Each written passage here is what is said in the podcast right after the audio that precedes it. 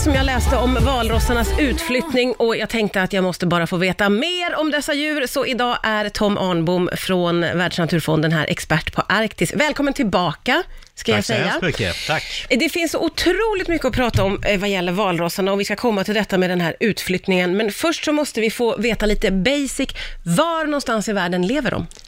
Valrossar finns i Arktis, alltså i Nordpolsområdet kan man säga. Ja. Eh, Det finns en del där i Atlanten, finns en 20 000 sådär, och i Stilla havet en 100 000. Och där mittemellan finns det 5 000 spår, norr om Sibirien kan man säga. Ja. Eh, Det är en säl, valross. Ja. De känns igen på, de har de här stora betarna. Det är Just alltså hörntänderna som sticker ner. Det är både honor och hannar, men hannarna har mycket längre. Och de är Stilla havet, de har en meter långa betar. Så du vill, och de kan slåss med dem och de använder de här betarna också för att dra sig upp på isen. Ja, ja, ja, okej, när de ska upp ur vattnet. Ja, och man pratar delvis också att de kan använda det i botten för att gräva upp från käka musslor. Jaha. Och de är jättehäftiga, så att de här sälarna, de är alltså bruna, så de suger i musslor och så spottar, suger de ut köttet och spottar ut skalen. Skulle du sätta din hand in till munnen när de suger in, då bryts din arm på en gång. För det är sån kraft där. Det är alltså en enorm kraft när de suger in. Men gud. Men de kan även blåsa ut, så i vissa ställen går de ner på botten, så blåser de ut kraftigt vatten då. Och så åker det- sanden iväg, så ligger musslorna fria, så käkar de det. Men vilket raffinerat system, det låter ju helt otroligt. Ja, de är jättehäftiga. Så att, så, och de på land så låter de, grufflar de jättemycket. Liksom man hör liksom, grå, liksom, så här, som Muppet Show, de här gubbarna som sitter bredvid. De där gamla Ja, de här gamla som sitter hela tiden och mumlar hit och dit. Okej. Eh, och de är jättesociala, ligger intill varandra. Eh, Så det, det, det funkar, både hannar, honor och ungar, allting ligger ihop i en stor hög Ja. när de är på land. Ja. Eh, under vattnet så är det- har de världens ljudrepertoar och det häftigaste jag tycker det är deras klockljud. Låter dong, dong, dong, Låter de så? dong och det hörs ganska långt. Vad när de betyder det? Ja, det vet vi inte. Nej, vad Så det spännande. här har de ett läte, de har massa andra läten också för att prata med varandra under vattnet. Kanske är för att locka till sig honor, vem vet, eller någonting sånt. Ja, ja, ja, ja, Ingen Ah, ja. aning. Gud, Men vad spännande. normala i Arktis så ligger de ju på havsisen, Ja, just det. långt från land. Där ligger de där och mamman kan ta upp till fyra år och föda upp en unge. Jaha, så den hänger med innan de mamman? flesta ungar. Ja, så det tar flera år att dion ungen. Det är jättelång tid för att vara säl. Ja, det är det ju. Så att de tar hand om ungen verkligen, så de behöver havsisen. När hon dyker ner på botten och letar musslor så ligger ungen kvar där uppe. Ja.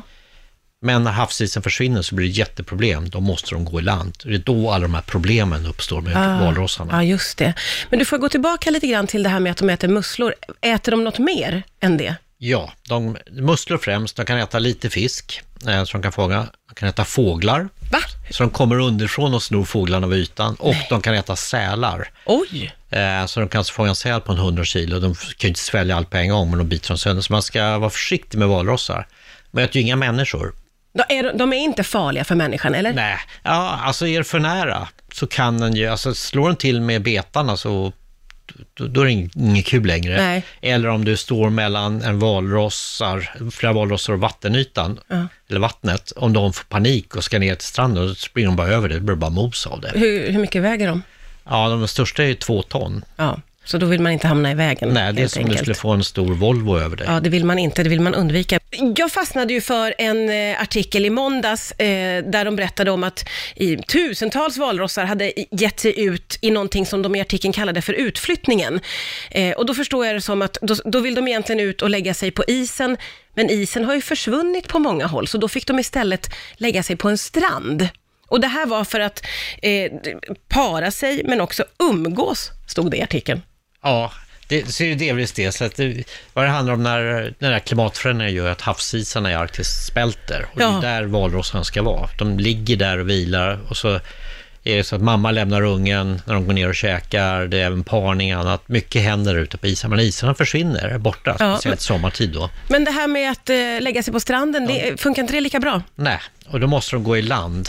Och det dumma är med valrossar, evolutionen har gjort att när de går i land, går alla i land på, må- eller det går på ett fåtal ställen. Så att jag har varit på ställen där det var 50 000 valrossar, en annan är 10 000. Så de går ju upp på ställen.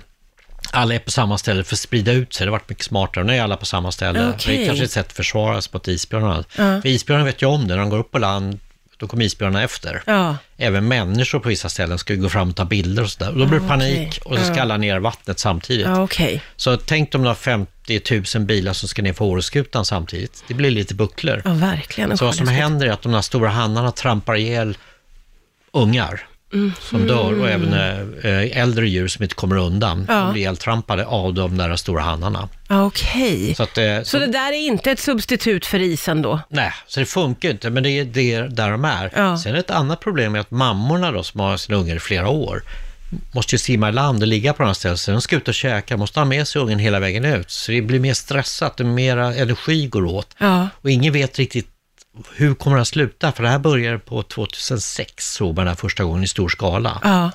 Ehm, så ingen vet egentligen vad det här innebär, för de För det lever ju låter ganska ju som länge. att det kan påverka beståndet när Ja. allt ändras på det Ja, de blir ju sättet. stressade nu. Ja. Fysi- Fysiologiskt, alltså kroppen är stressad, går åt mer energi, och annars hinner de få ta på mat och är de, de här stora kolonierna är liksom 10-20 000 och Ja. de käkar precis intill. Maten tar ju slut jättesnabbt. Ja.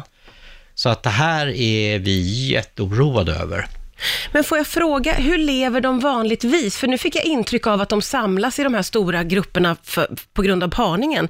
Hur, hur är det? Är det Nej. alltid det- den här? Nej, och det, där stod det nog fel i artikeln. Jag går emot här, så kanske man inte får göra, men det, det gjorde jag i alla Det fall. är du som är experten. Ja, så att, eh, ja, men de paras oftast på isen i små grupper, det kan vara 10-20 stycken och en han och, som är där med flera honor. Eh, och det är där de lever i smågrupper. Men om så, isen är när borta- isen är borta, då går de ihop i stora Ah, grupper. ja, ja, det okej, kan jag hända fattar. att de gör det under vintern, går ihop i stora grupper. Ja. Men i, sällan på sommartid. Nej, okej. Så det, de kan, och i Atlanten ser man sällan det här, det är mest Stilla havet de här jättegrupperna är. Atlanten är det, man har jagat bort dem, det finns bara 20 000 kvar, det Ja, fanns just det. fler förr, Just förr det, i tiden. ja. Och vet du vad man använder det till? Nej. Valrossar? Ja, dels vill man göra fettet, Ja, just det. för det lyser man upp lampor och sånt i Europa med.